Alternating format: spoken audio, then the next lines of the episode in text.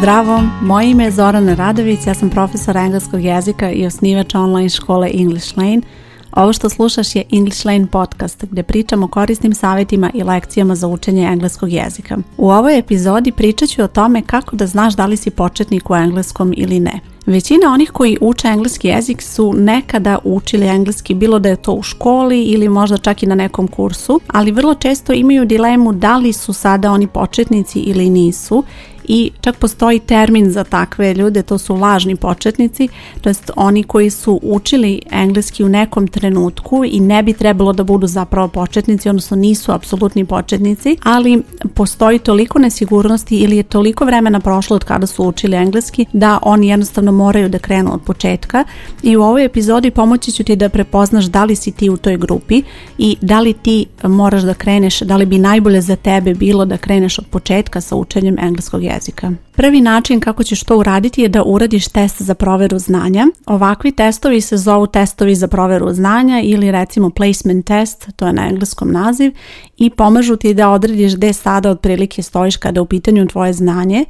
ono što treba da zapamtiš da test nije apsolutno uvek pouzdan, odnosno rezultat koji dobiješ na takvom testu ne može biti onako sigurna procena kada je u pitanju tvoje znanje jer postoji mogućnost da si neke stvari slučajno možda pogrešila ili čak možda postoji mogućnost da si neke odgovore nagađala pa si slučajno pogodila tačne odgovore, a zapravo ne znaš pravilo. Tako da ono što dobiješ, rezultat koji dobiješ na ovakvom testu nemoj shvatiti zdravo za gotovo, već treba da imaš još neke načine kako da odrediš da li si početnik ili ne, a u nastavku pričam i o tim drugim načinima. Inače, ukoliko si početnik kada je u pitanju učenja engleskog jezika ili si taj takozvani lažni početnik, u mojoj online školi postoji kurs koji se zove Engleski 101 koji kreće od alfabeta i pomaže ti baš da naučiš te osnove koje su neophodne da bi zaista uspešno savladala sve ono što je potrebno na početnom nivou. Nakon upisa polaznice u mojoj školi rade uvodni test baš iz tog razloga da vidim da li su početnici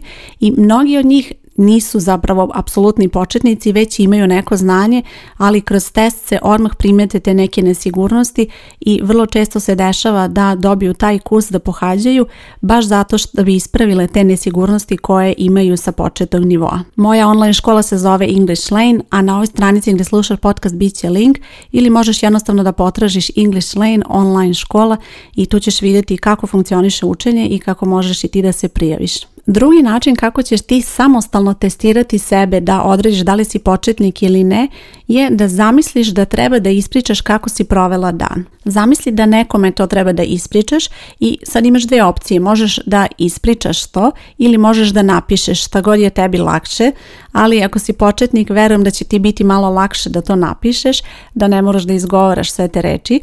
ali probaj da to uradiš, znači da i prepričaš svoj dan, šta si radila u toku dana, da li si negde bila, kako si se osjećala u toku dana, probaj da napišeš to i vidjet ćeš odmah koliko si sigurno da napišeš ovakve rečenice, jer ako si nekada učila engleski jezik, a ako si većinu toga zaboravila, ovaj zadatak će ti biti dosta težak i to je sasvim normalno i očekivano, ali probaj da uradiš i možda iznenadiš sebe u stvari koliko toga si zapamtila, ali jednostavno treba vremena da se sve to poveže ponovo i da zaista kreneš da nastaviš da učiš engleski. Ako je ovaj zadatak za tebe suviše težak i ne znaš kako da napišeš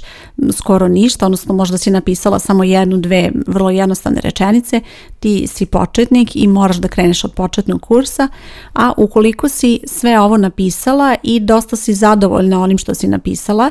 pređi na sljedeći, to je treći zadatak, da odrediš da li si početnik ili ne. Treći zadatak je da odgovoriš na pitanja na engleskom jeziku. Ja ću sada da pročitam pitanja, a ti probaj da odgovoriš. Opet možeš odgovarati usmeno ili pismeno kako god je tebi lakše. Pa da krenemo od prvog pitanja. What's your name?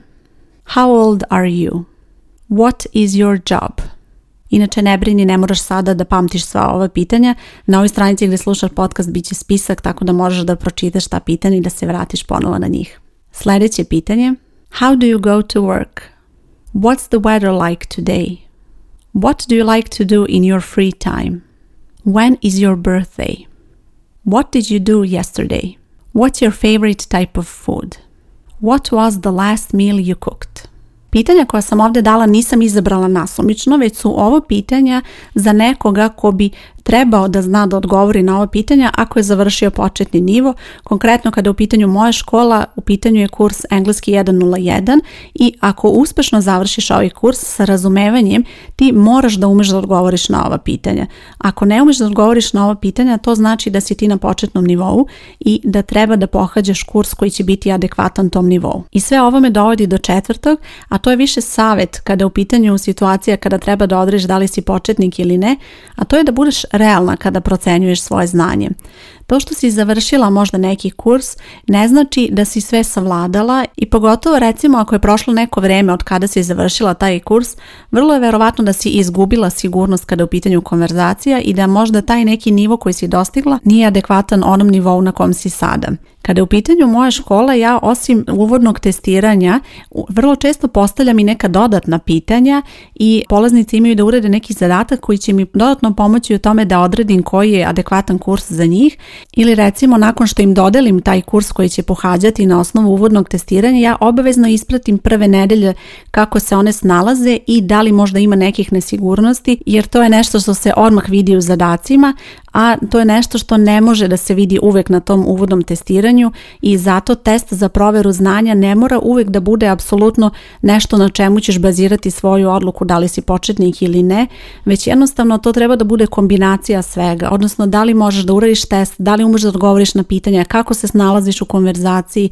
kako umeš da koristiš to sve što si naučila do sada i tako dalje i ukoliko slučajno primetiš da ima nesigurnosti, uvek je bolje sada što pre vratiti vratiti se na sve to, nego ići dalje i onda prosto doći u situaciju kada ćeš morati da se vratiš ili da odustaneš. Inače, te nesigurnosti sa početnog nivoa su onako najgore, jer vrlo je obeshrabrujuće kada neko čak završi i recimo dešavalo mi se da dođu polaznice koje kažu da su završile neki B kurs, odnosno kurs za B nivo, a ja vidim da u konverzaciji one imaju takve nesigurnosti koje su zapravo sa početnog nivoa, da bukvalno je to onako obeshrabrujuće za njih i jednostavno dosta im teško pada da shvate da su napravile takve greške na samom početku. Zato je bitno da sada kada razmišljaš koji kurs da upišeš, odnosno razmišljaš da li si početnik ili nisi, da razmisliš o svemu dobro i da odrediš onda ono što će biti najbolje za tebe i omogućiti ti da nastaviš sa učenjem na pravilan način. Inače, kao što vidiš iz svega ovoga što sam pomenula,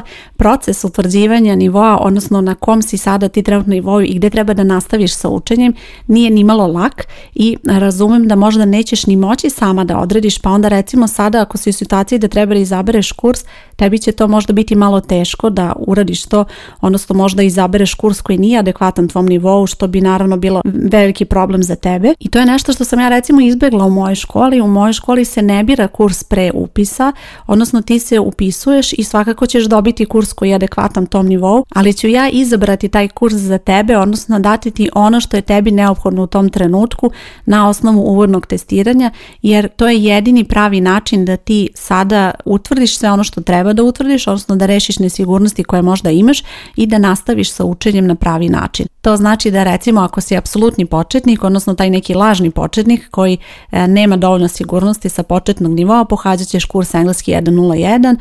ako imaš tu dobru osnovu kada je u pitanju prvi taj nivo, odnosno uvodni deo i imaš dovoljno sigurnosti da to upotrebiš u konverzaciji, krenut ćeš od kursa engleski 1.02 i tako dalje, znači sve zavisi od uvodnog testiranja. Ja sam inače autor svih kurseva u mojoj školi i na osnovu rezultata ću tačno znati šta tebi odgovara i šta će ti omogućiti da dobro nastaviš sa učenjem i možda ćeš biti srećna mojim izborom, a možda i ne. Imala sam i polaznice koje su bile u početku nezadovoljne mojim izborom, odnosno smatrale su da treba da pohađaju neki kurs za viši nivo i u toj situaciji one su ipak odabrale da meni veruju i na kraju su mi bile zahvalne zato što su to uradile jer su zaista tek kad su pohađale kurs uvidele da ima puno ne sigurnosti i da zapravo da sam im dala kurs za neki viši nivo uopšte se ne bi snašle i pre ili kasnije bi odustale, a neki od njih još uvek uče u školi. Zato je bitno da ako si početnik, odnosno sumnjaš da si možda ipak početnik bez obzira što si možda imala engleski čak i četiri godine u školi ili si možda pohađala neki kurs, jednostavno probaj da odrediš da li si početnik zaista i da li moraš da kreneš od početka sa učenjem. Ako je to bitno za tebe, ako vidiš da nećeš moći da nastaviš dalje uspešno, onda je to svakako bolja odluka za tebe. Za kraj želim da iskoristim priliku da te pozovem da nam se priključiš ukoliko već nisi član English Lane škole. Na ovoj stranici gdje slušaš podcast možeš pronaći link ka školi ili potraži English Lane online škola i tu ćeš pronaći sve informacije kako možeš da se prijaviš i postaneš član. Također želim da te pozovem da pratiš English Lane podcast u aplikaciji gdje slušaš podcast postoji dugme subscribe ili follow gdje možeš da se prijaviš da dobijaš obaveštenja kada objavim nove epizode. Također možeš ukoliko slušaš na sajtu English Lane škole ima opcija da ostaviš svoj email i da opet dobiješ emailove svaki put kada objavim novu epizodu i ukoliko si početnik predlažem ti posebno da to uradiš jer pripremam jednu sjajnu epizodu koja će biti baš za početnike i za oni koji tek kreću sa učenjem engleskog jezika. Ovu epizodu ne želiš da propustiš zato što će biti nešto sjajno što će ti pomoći da naučiš ne samo najbitnije stvari kada je u pitanju engleski jezik, već i uopšte kako treba da pristupiš učenju engleskog jezika jezika da bi ostvarila sjajne rezultate. Hvala ti što slušaš podcast, ja sam Zorana Radović i čujemo se uskoro. Ćao!